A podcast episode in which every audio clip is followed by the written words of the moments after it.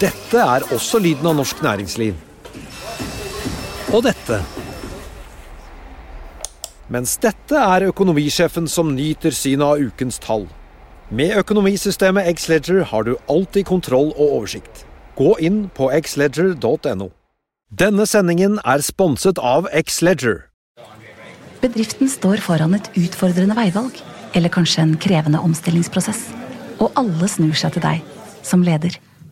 Hvem kan du snu deg til da? I Nordea vet vi at også ledere trenger noen å spørre. Og at de beste beslutningene tas på et grunnlag av kunnskap, erfaring og ekspertise. Som din bankpartner er vi her for deg med råd og veiledning. For alt fra ansvarlig vekst til viktige omstillingsvalg. Så når alle spør deg, da kan du spørre oss. Finn ut mer på nordea.no, din bankpartner.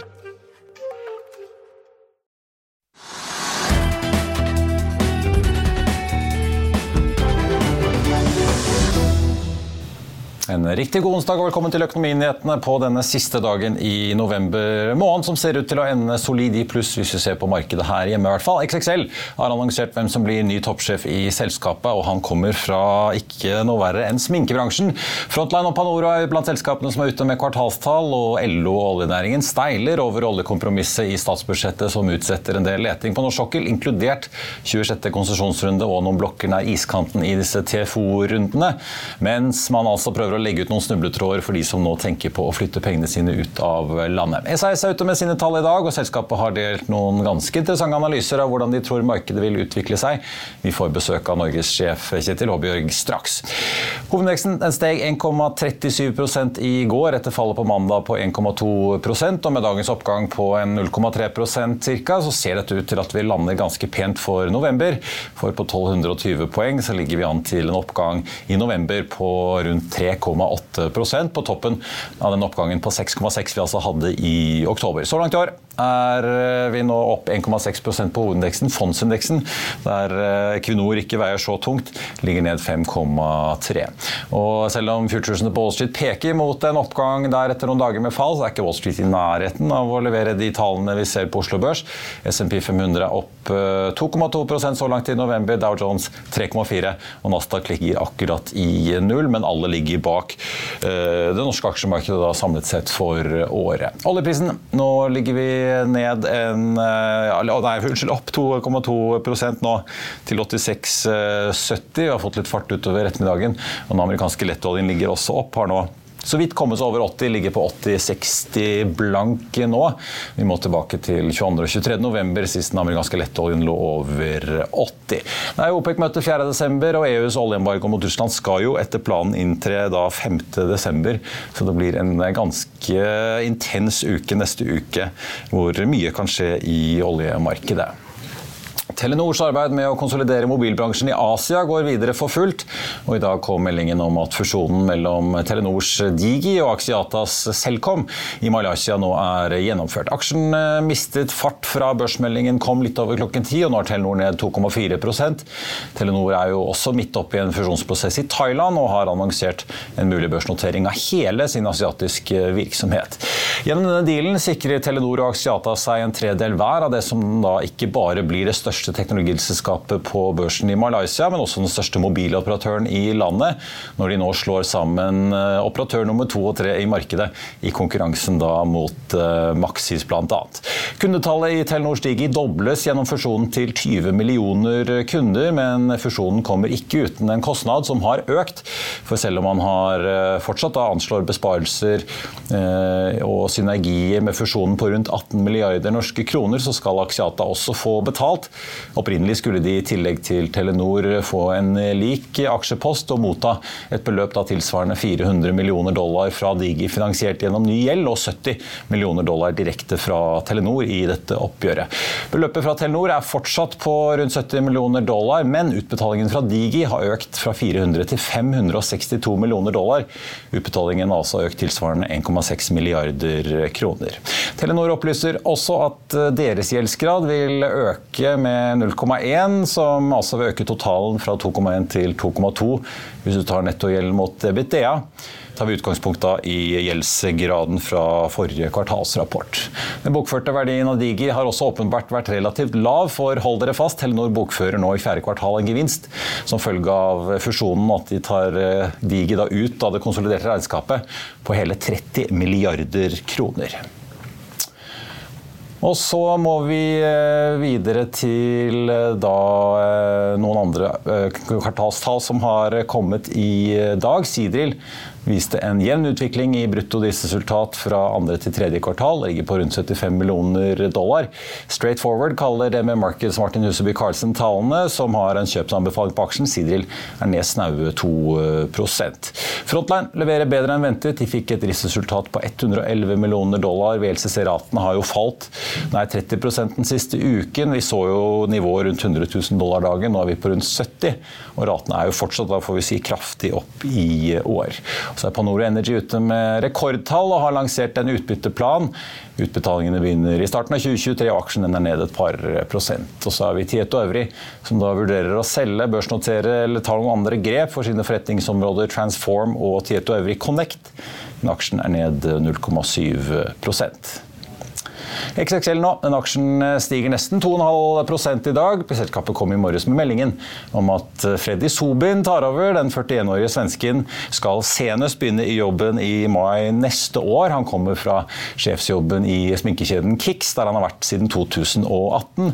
En kjede som også har 230 butikker fordelt rundt i eh, Norden. Vi skal høre hva investeringsdirektør Robert Ness i Nordea hadde å si om nyheten og XXL-aksjen da han var gjest på Børsmorgen litt tidligere i dag. Nei, men det virker som en uh, veldig solid person. Nå skal ikke begynne før i mai, så det tar jo litt tid. Sant? Og XSL er jo skute som går litt dårlig nå, sant? så de, de, trenger, de, trenger, at det ikke er noen endringer. Så, så det virker jo positivt, men klart, men det er jo, det er jo egentlig langt frem. nå. Ja. Ja, Hva tenker du om den, eh, altså den aksjen nå? da? Nå er det jo fortsatt Stein Eriksen som skal fungere som uh, konsernsjef frem til han går tilbake til jobben som uh, finansdirektør. Men det var jo en, litt av en seanse på forrige kvartalspresentasjon der en av gründerne grillet ledelsen for åpent kamera om både for høyt varelager og mange andre utfordringer de har. Ja, Det var imponerende å se inntjeningsutviklingen til XSL fram til 2016. Sånn, da var det god vekst, god inntjening. og Siden det har det vært litt sånn sørpe, litt sånn opp og ned og ikke noe spesielt. Sånn, så Enten er det bare det at markedet var bedre da, de var en ny aktør, og så nå er de andre kanskje hermet etter de, og de er ikke så unike lenger. Eller så er ikke driften like bra som før. Men i hvert fall, Tallene er litt sånn trist lesing de siste fire-fem nå skal vi fra sportsbransjen til eh, luftfart og SAS, som er ute med sine tall i dag. De står da midt oppe i en chapter 11-prosess i USA, som jo tar sin tid, og som skal ut og hente penger etter hvert også, samtidig som flyr i det som har vist seg å bli en eh, mer krevende tid for bransjen etter korona enn det mange hadde håpet eh, på, får vi si. Kjetil Håbjørg, norgessjef og konserndirektør i SAS, velkommen. Takk skal du ha. Drivstoff er fortsatt dyrt om dagen? Drivstoff er dyrt, ja. og valutakursene er ufordelaktige for luftfarten. Sterk dollar? Sterk dollar betyr jo både at vi får høyere pris på eh, drivstoff, men også eh, revurdering av eiendeler, som gjerne går på vår balanse, ja. som vi må resultatføre. Og Det vises godt i vårt resultat nå for fjerde kvartal. Ja, for det, det, er jo minus. Godt, godt i minus fortsatt. Ja, det er gått i minus. Vi har eh, levert et resultat i dag på 1,7 milliard i minus da, eh, for fjerde kvartal. Som, Svenske kroner får vi bemerke? Fordi, ja. ja. det må vi bemerke. Som oppsummerer et år hvor vi har hatt 7,8 milliard i minus for eh, året som helhet. Et veldig veldig tøft år, og du påpeker jo Vi har jo et avvikende regnskapsår som avsluttes da i, i enden av oktober, slik at vårt resultat også omfatter fjor høsts pandemi. Og hele vinteren, og hele vinteren. ganske vekmørkt med nedstenginger. òg. ja. Ja, I tillegg til at vi har fått med oss krigen i, eh, i Ukraina, som betyr at vi da, ikke flyr til Østen slik vi, eh, eller Asia, som vi har gjort eh, tidligere. Og så hadde vi selvfølgelig en streik i sommer som var uheldig for vårt resultat. Så summen for året som helhet er veldig negativt. Ja. Ingen fest ut av pandemien. Du, før vi skal kaste oss over utsiktene fremover, la oss snakke om noe som ble avklart uh, i går. Ja. Uh, rett før kvartalsrapporten. Det blir nemlig ikke streik med de kabinansatte. Hvor viktig er det nå før juletrafikken setter inn? Det er ytterst viktig. For Dere var ganske heldige med timingen på pilotstreiken i sommer? Ja, ja det, det, er riktig. Sommerstreik eh, var en tøff affære. Eh, men at vi nå kan få ro og forutsigbarhet er selvfølgelig viktig for våre kunder. og Det er viktig for SAS og det er viktig for den prosessen som vi er i. Så vi er veldig glad på en av våre kunder og, og, og selskapet som helhet at vi nå har en avtale. Dette er noe vi har gjort gjennom en, en frivillig mekling. Vi er glad vi unngikk også en tvungen mekling. Si litt fordi at uh, disse reforhandlingene med pilotene og de kabinansatte er en viktig del av hele den effektiviseringspakken, kostnadspakken dere skal levere som en del av denne restruktureringen i chapter 11.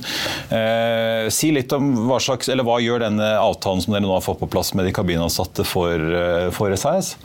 Ja, Det gjør at vi legger enda en uh, del av den planen da bak oss. Eh, planen er stor og omfattende. Vi kaller den SAS Forward, og den omfatter da 7,5 milliard i kostnadsreduksjoner. Noe av det kjører vi gjennom chapter 11, noe av det gjør vi på forhandlinger og på andre områder. Men eh, det er viktig for oss å få dette på plass. Eh, dette gjør jo at vi får bedre forutsigbarhet, at vi kan vise at vi har fremdrift. Og det er en av de positive nyhetene i kvartalsresultatet vårt, nemlig at vi har fremgang. Dette er et eksempel på det. Vi kan også nevne at vi har fremgang i forhandlingene med våre lessorer for leie av fly. Ja, for dere er oppe i en 46 fly omtrent av en 80 omtrent, som dere har fått forhandlet på? Ja, ja riktig. Og, og vi, vår oppfatning er at den prosessen går bra. Ja. Slik at uh, det fungerer godt. Vi, uh, vi har stort tro på at vi skal komme oss videre også utover det. Eh, men eh, denne kabinavtalen gjør det at dere får eh, brukt de ansatte mer i løpet av døgnet eller månedene enn dere har gjort tidligere, eller er det noen andre gevinster som dere får ut av det? Ja, dette, denne avtalen, eller Kabinforeningene i Norge har bidratt veldig mye til eh, SAS Forward-planen. De har eh, hatt eh, beskjedne lønnskrav over flere år. Og med denne avtalen her så har vi også beskjedne utviklinger som gjør at vi tror at dette er noe vi kan bygge på. Både når vi nå skal forhandle med, med tilsvarende i Sverige og Danmark, men også i innhenting av ny kapital til selskapet. som Vi skal gjøre. Vi skal hente 9,5 milliard, og vi må tro på at dette har har en lønnsomhet fremover for å få det til. Ja. Og øh, Sist vi i hvert fall hørte fra Anko Van der Weft, han var i Oslo her om dagen. han sa at dere sikter dere mot å sette i gang denne emisjonen en gang rundt januar. Ja, og så er det sånn øh, at Vi styrer ikke alle deler av den prosessen, men anslagsvis så starter det etter nyttår.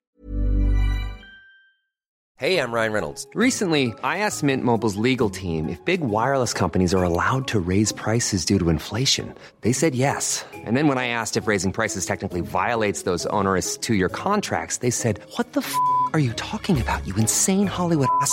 So to recap, we're cutting the price of Mint Unlimited from $30 a month to just $15 a month. Give it a try at mintmobile.com slash switch. $45 up front for three months plus taxes and fees. Promo for new customers for limited time. Unlimited more than 40 gigabytes per month. Slows. Full terms at mintmobile.com. Dette er også lyden av norsk næringsliv. Og dette. Mens dette er økonomisjefen som nyter synet av ukens tall.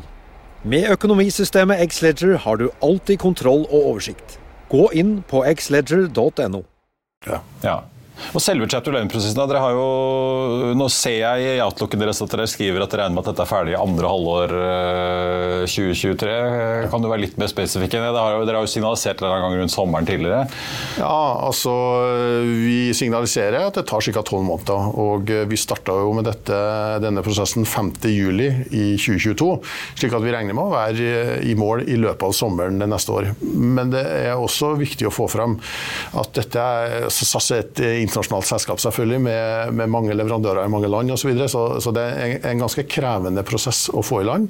Eh, men vår ambisjon er at vi skal bruke ca. tolv måneder på det fra juli i, i år. Vi må snakke litt om markedet, for Dere legger ut en god del prognoser i, i regnskapet som kom i dag om uh, egentlig hva slags marked dere forbereder dere på. Uh, hvor viktig har du, nevnt jo selv, uh, plutselig har jo Russland blitt stengt. Finner har jo vært i full krise, for de har jo levd av det markedet å fly over Russland til destinasjoner i Japan, og Korea og Kina. I tillegg har vi jo da veldig kostbart drivstoff. Og noen forbrukere som kanskje strammer litt inn med høyere renter og inflasjon, har, har på en måte gjeninnhentingen gått ganske mye tregere enn det dere som bransje og dere i SAS forventet? Ja, det, jeg tror at det er litt avhengig av øh, hvilket tidspunkt du spør på. Fordi at øh, I forhold til starten av pandemien så er det helt åpenbart mye tregere enn vi forestilte oss. Uh, når det gjelder nå, så vil jeg vel si at vi er, vi er veldig Eh, vi følger markedet veldig nøye. Vi har jo vært gjennom en pandemi hvor forutsigbarheten har vært null, og, og sikten fremover har vært veldig veldig lav.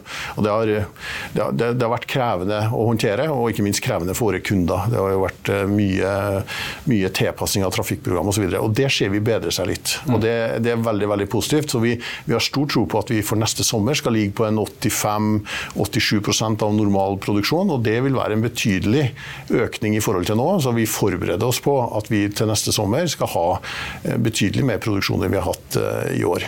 Og så eh, har du rett i at det er andre ting som påvirker dette også, og det er noe vi følger veldig nøye. Men vi er forsiktige optimister. Jeg har lyst til å si det. Vi ser kanskje litt mindre påvirkning fra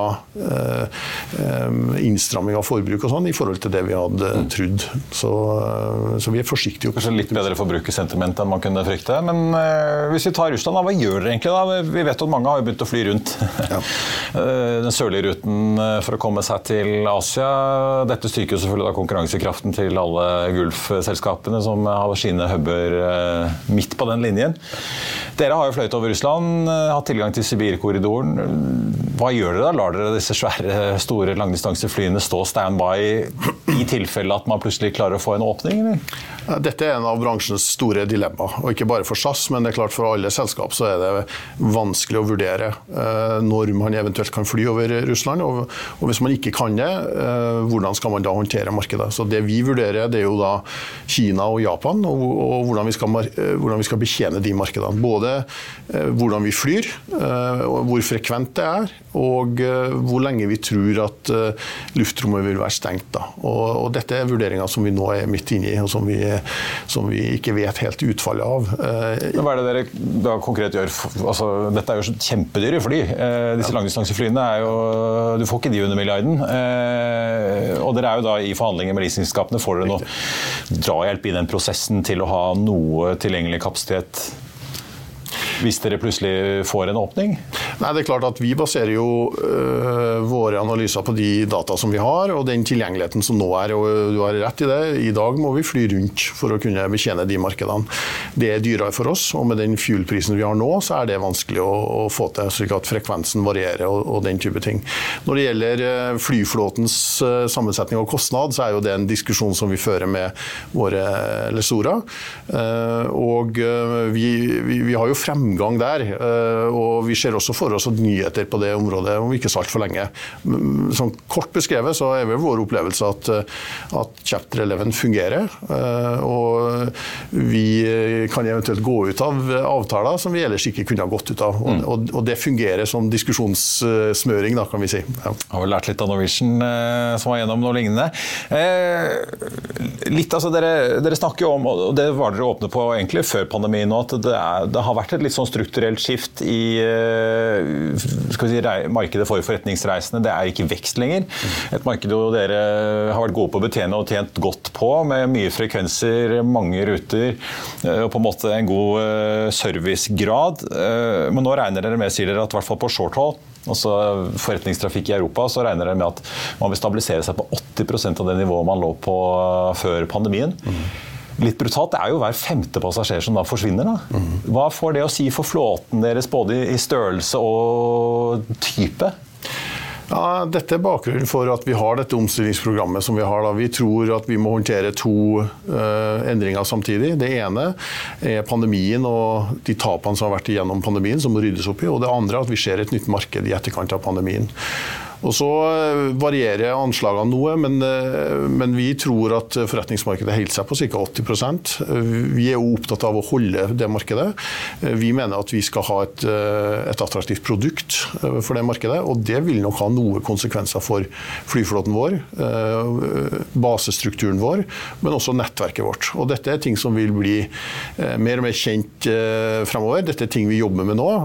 Vi jobber jo f.eks. på pilotsida, på kabinen din side på avtalesida for å få avtaler som er tilpassa en ny virkelighet. Liksom og vi har en gradvis overgang til det. Ja, ja for frekvens er jo et nøkkelord. Dere er jo nødt til å fly langs hele kysten og ja. dekke på en måte alle de viktige byene som store bedrifter som Equinor og Hydro og andre er opptatt av. Ja.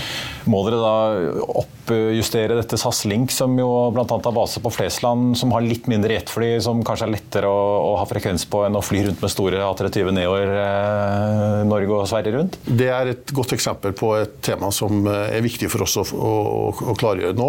Vi tror at vi skal eh, øke eh, størrelsen på Link, fordi markedet nå er bedre tilpassa for noe mindre fly enn, enn det var før pandemien. Det er riktig.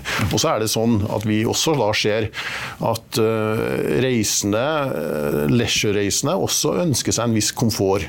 Og at vårt produkt, vårt hva skal vi si, business class, et lett business class-produkt også for leisure-racene, faktisk er attraktivt. Og det er noe som vi, som vi er opptatt av å bekjenne. Si litt om konkurransen eh, dere også merker nå. Da. Vi ser jo Widerøe skriver om at eh, det er veldig tøffe kår på innenriks i Norge. De har jo en tyngde i Bergen, så man kan anta at det, de der møter i både dere og Norwegian. Mm. Flyr har jo, de har jo satt omtrent hele flåten sin på bakken i vinter. Norwegian restrukturert, har nesten ikke noe gjeld. Har vel omtrent en kontantkasse på størrelse med deres, litt over 8 milliarder. Er ganske åpne på at de ønsker å gå rett til angrep på dere og forretningsmarkedet. Hvordan skal dere møte dette her? Ja. ja. Det er et godt spørsmål. og Det er klart det er veldig mye kapasitet i, i, i, det norske markedet. Dette er noe som vi også selvfølgelig merker. For Det er jo et viktig, veldig viktig marked for dere. Det er vel det største markedet dere har egentlig i Norge? For SAS så er Norge det største markedet. Og, og det er veldig viktig for oss å opprettholde vår tilstedeværelse i Norge. Og det er klart at For oss så betyr det at vi må utvikle oss videre. og vi Generelt så tror vi da på at vi blir bedre av denne konkurransen, og at vi blir utfordra av andre. Det syns vi er positivt. Og så har vi vårt å jobbe med. Vi skal gjennom en, en omstrukturering nå. Det er en grunn til at vi senker våre kostnader med 7,5 milliard. Det er en grunn til at vi henter inn eh, egenkapital. Øh, men vi tror da at i bunnen av dette så har vi et sterkt produkt. Vi har en sterk merkevare, og vi har en gjenkjenning og en, en tilstedeværelse i Norge som, eh, som støtter opp under vårt eh, produkttilbud, i tillegg til at vi, eh, vi er jo eh, et selskap som knytter Skandinavia til resten av verden. Og eh, resten av verden litt til Skandinavia gjennom våre avtaleverk med resten av luftfarten i, i verden. Så, så, vi mener at det er et marked for oss, og vi tror at det er, det er mulig for oss å skape et, et attraktivt SAS da, i et knalltøft konkurransemarked. Hvordan tenker dere på long-haul? Der skriver dere også at dere forventer at fritidsmarkedet kommer raskere tilbake enn forretningsmarkedet. Og nå, som du sier, det er jo halvveis stengt eh, til Asia. Mm. Vi vet jo Norse Atlantic er i gang. Ikke bare fly fra Norge, men de flyr fra Tyskland og Paris og England også til USA. Også til Norge. Og vi kan jo selvfølgelig risikere at noen amerikanske selskaper plutselig finner ut at de vil begynne å fly mer til Norden. Hvordan skal dere posisjonere dere over Atlanteren nå, da? Blir det et bikkjeslagsmål med alle flyene som da blir sluppet fra det asiatiske markedet? Ja, det, det, vil nok sikkert bli tøff konkurranse. Det, det, er jeg overbevist om. Og vi må jo spille på de eh, fordelene som vi har. Vi har et godt nettverk i Skandinavia hvor vi kan fly inn. Eh, vi har eh, et godt avtaleverk i andre enden hvor vi kan fly ut.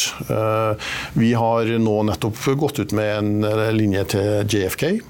Slik at vi også uh, søker nye markeder i, uh, i, USA. I tillegg til det så er det kanskje uh, verdt å nevne at vi har jo disse A321 long range-flya, som også er Mellomklassestørrelse, ja. egentlig, da. Ja. Og det er klart at de, de, gjør jo at vi kan opprettholde frekvenser på destinasjoner som vi normalt måtte ha gått ut på vintermarkedet. Og for, for våre kunder, spesielt forretningsreisende, men også andre, så er det jo viktig at vi er til stede. slik at vi tror på, på samme måte som vi på short hold trenger litt annet materiell, så gjør vi det også på long hold. Og disse, disse 23 long range-flyene, som er en fantastisk opplevelse å, å, å, reise med, at de er veldig godt tilpassa et langdistansemarked fra Skandinavia. For hva betyr det? Betyr det at uh, si, du skal fortsatt kunne fly Oslo-New York daglig om vinteren, eller at du kan fly fra Bergen? Eller er det hva? For eksempel. Ja. Den type ting. Vi så jo at uh, jeg tror det var United som forsøkte seg med Newark Bergen. De er jo ute nå. Eh, det, den, den, type destinasjoner er veldig attraktiv for den type fly. Og så er det et spørsmål om uh, å få fylt disse flyene. Men det er klart trippkosten blir mye lavere når vi har lavere fly. Nei, unnskyld, mindre fly. Um, og, og, disse store flyene er helt avhengig av å fylles for å være effektive. Uh, og på markeder hvor det ikke går, så er 321 et veldig godt alternativ. Og så langt er vi veldig positivt overraska over uh, liksom flyets performance, fuel-brenn og den type ting. Så, så vi har stor tro på at det er ting vi ønsker å utforske videre. Til slutt, vil jeg høre med deg litt. Hvis du ser nå på luftfartsbransjen i USA, så virker det som det går så det griner. De klarer ikke å få tak i nok fly. Passasjerene virker å være tilbake. Det er bra trøkk. Selv om de selvfølgelig sliter med dyrt drivstoff, de også. I Europa virker det mye mer blandet. Og så hørte jeg et intervju med Ryanair-sjefen her nylig som ventet en ganske stor konsolidering eh, fremover. Han trodde EasyJet kom til å bli snappet opp av IAG eller Air France KLM. Wizz Air kommer til å vri mer fokus mot Midtøsten. Hva er det selv dere forbereder dere på? Dere opplever jo at uh, Lufthansa-konsernet sender Eurowings opp til Skandinavia plutselig med ruter, og Ryanair etablerer seg jo også kanskje aller mest eh, litt mer mot Sverige, men likevel de flyr til Gardermoen, de òg. Men forventer dere at, at, det vil skje en konsolidering nå etter pandemien mer i Europa også? Da? Jeg tror For SAS så, så, jobber vi veldig hardt med vår plan, SAS Forward, overleve den, få eh, konvertert gjelda. Vi har en ikke-bærekraftig gjeld. Vi må ha ny egenkapital og vi må, vi må, ha en ny kostnadsbase for å kunne være konkurransedyktig. Og Så tror vi generelt at det er behov for en konsolidering i Europa. Eh, på samme måte som det har vært gjort i, i, USA. I Europa så har du en litt annen eh, struktur med flere hva skal vi si, nasjonale selskap omtrent. Ja, som, som, kanskje er vanskeligere å få inn i en sånn struktur, men på sikt så er nok det nødvendig for at bransjen skal kunne ha langsiktig, levekraftig lønnsomhet. Ja. Så får vi se om dere klarer å nå målet om å være gjeldfri ved slutten av 2026. Det er ikke verst gjort. Vi får se på det. Vi får se på det. Kjetil Abbjørg SS, tusen takk for at du kom innom. Vi skal til Autostore, for den aksjen eh, falt jo 12,4% her på mandag etter nyheten om at finansdirektør Bent Skisaker gikk av, som bare skjedde altså noen få dager etter meldingen om at mangeårig konsernsjef Karl Johan Lier skulle overlate sjefsstolen til Mats Hovland Vikse. Aksjen er opp 1,2 i dag, men har ikke klart å hente inn noe av det tapte fra mandag, siden den da falt i går også. Her er hva Trygve Egnar hadde å si om selskapet på Økonominyhetene i går.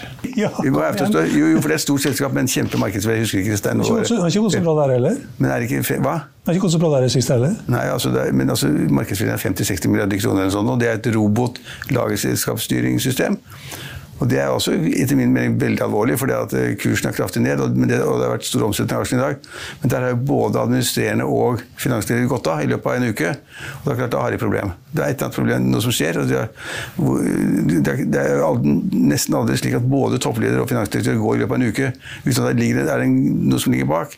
Og Det kan jo tyde på at Autostore har vært priset for høyt, og at den mulige storaksjonæren som da Softbank, hvis de sitter der fortsatt, at de da er på vei ut. Og I dag er det omsatt 300-400 millioner kroner i aksjen. og det, det, er jo ikke bra det heller. Hvis folk sier at de store liksom beveger seg ut, og at selskapet kanskje har vært priset altfor høyt, det tror jeg, så har du et press på kursen nedover som da var veldig vanskelig å ta igjen. Ja, og Aksjen er vel ned 50-60% også fra introduksjon? 50% i år bare. Ja. Ehm, men eh, kanskje de som slutter, kanskje de ikke var fornøyd med den nye sjefen som skal komme inn. Han hadde jo portrett på i Finansavisen på lørdag. Ja. Ja, ja, men, Hovland et eller annet? Ja, ja en, god, en god CV. Nei, altså, det vet jeg ikke nå, men jeg, jeg, jeg, tror ikke folk slutter fordi de ikke tror på det nye. Liksom. Det, ikke, Føler seg forbigått? Det kan godt tenkes. Ja.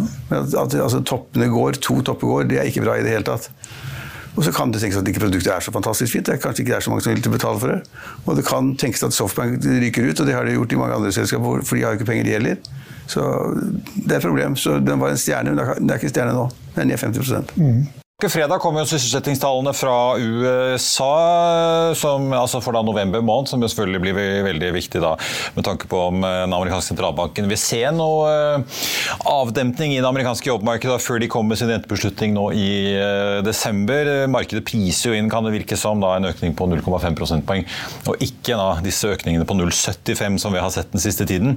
Nå i ettermiddag så har ADP kommet med da, tallene som de pleier å gjøre, to dager før de offisielle sysselsettingstallene BNP-tallene kommer, med da uh, utviklingen i privat sektor i USA. De viser at uh, det ble skapt av 127 000 nye jobber i privat sektor i november måned. En ganske solid nedgang da fra de 239 000 vi så i oktober, også godt under forventningen, som ifølge CNBC var på 190 000.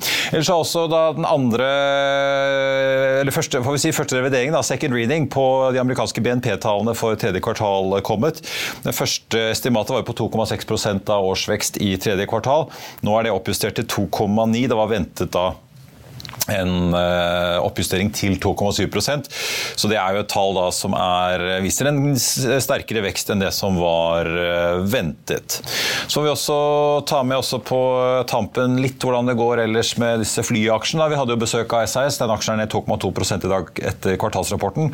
Konkurrenten på langdistanse Norse Atlantic, som akkurat eh, kom med en emisjon, er ned 3,1. Så har vi Fly da, som er ned 4,7 i dag. Konkurrenten til i hvert fall Flyr og SAS på kortdistanse.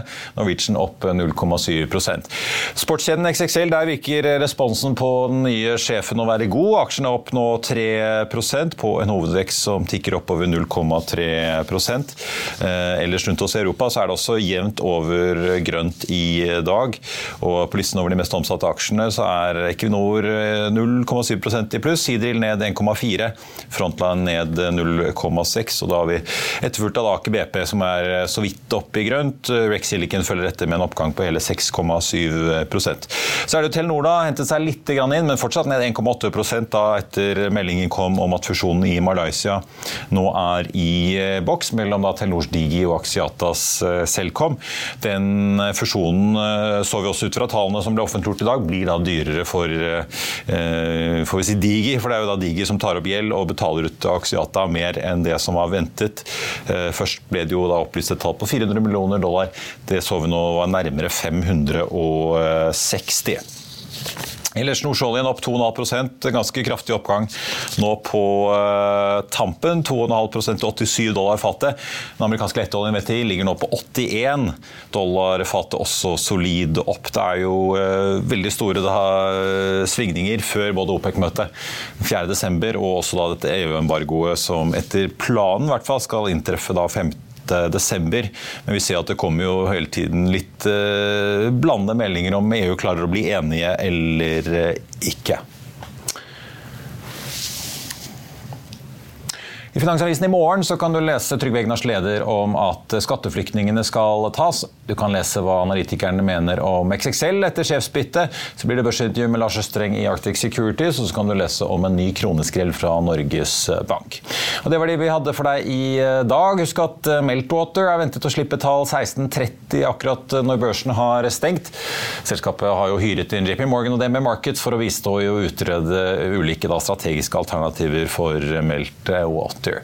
Det kan du lese om på fa.no, der du også kan følge med om, på eventuelle nyheter fra den amerikanske sentralbanken i kveld. For klokken 19.30 så holder da USAs sentralbank Jerome Powell en tale ved Brookings institutt, hvor han da skal snakke om utsiktene for amerikansk økonomi og arbeidsmarkedet. Dette blir jo da den siste talen han skal ha offentlig, eh, i hvert fall per kalenderen nå, før da rentemøtet i desember. Og etter fire såkalte trippelhevninger på 0,75 prosentpoeng, så venter jo da de fleste som nevnt at vi får en økning på 0,5 prosentpoeng da i desember. Så får vi se om talen endrer noen av disse forventningene.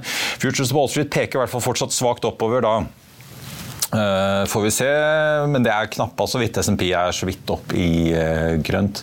Nå er det jo da bare 27 minutter igjen til Wall Street åpner. Så det er eh, masse snacks for økonomiinteresserte å følge med på utover kvelden på F1. Vi er tilbake igjen i morgen med Børsmorgen 08.55. Da skal vi bl.a. snakke mer om XXL. Og så er vi tilbake igjen om økonominyhetene klokken 14.30. Da blir det snakk om eiendom. Mitt navn er Marius Lorentzen. Takk for at du så eller hørte på. Så håper jeg vi ses igjen i morgen. Takk for nå.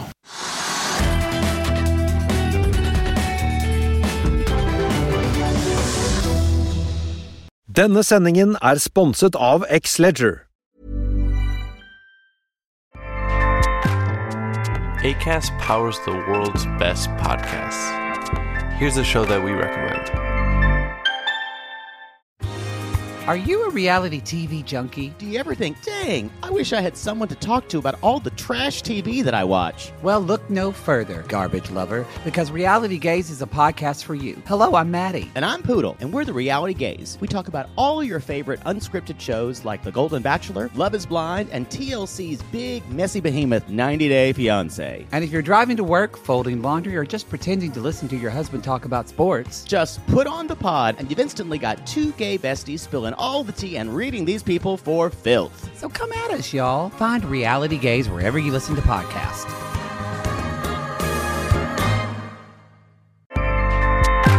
ACAST helps creators launch, grow, and monetize their podcasts everywhere. ACAST.com. Økonominyhetene er en podkast fra Finansavisen. Programledere er Marius Lorentzen, Stein Ove Haugen og Benedikte Storm Bamvik. Produsenter er Lars Brenden Skram og Bashar Johar. Og ansvarlig redaktør er Trygve Hegnar.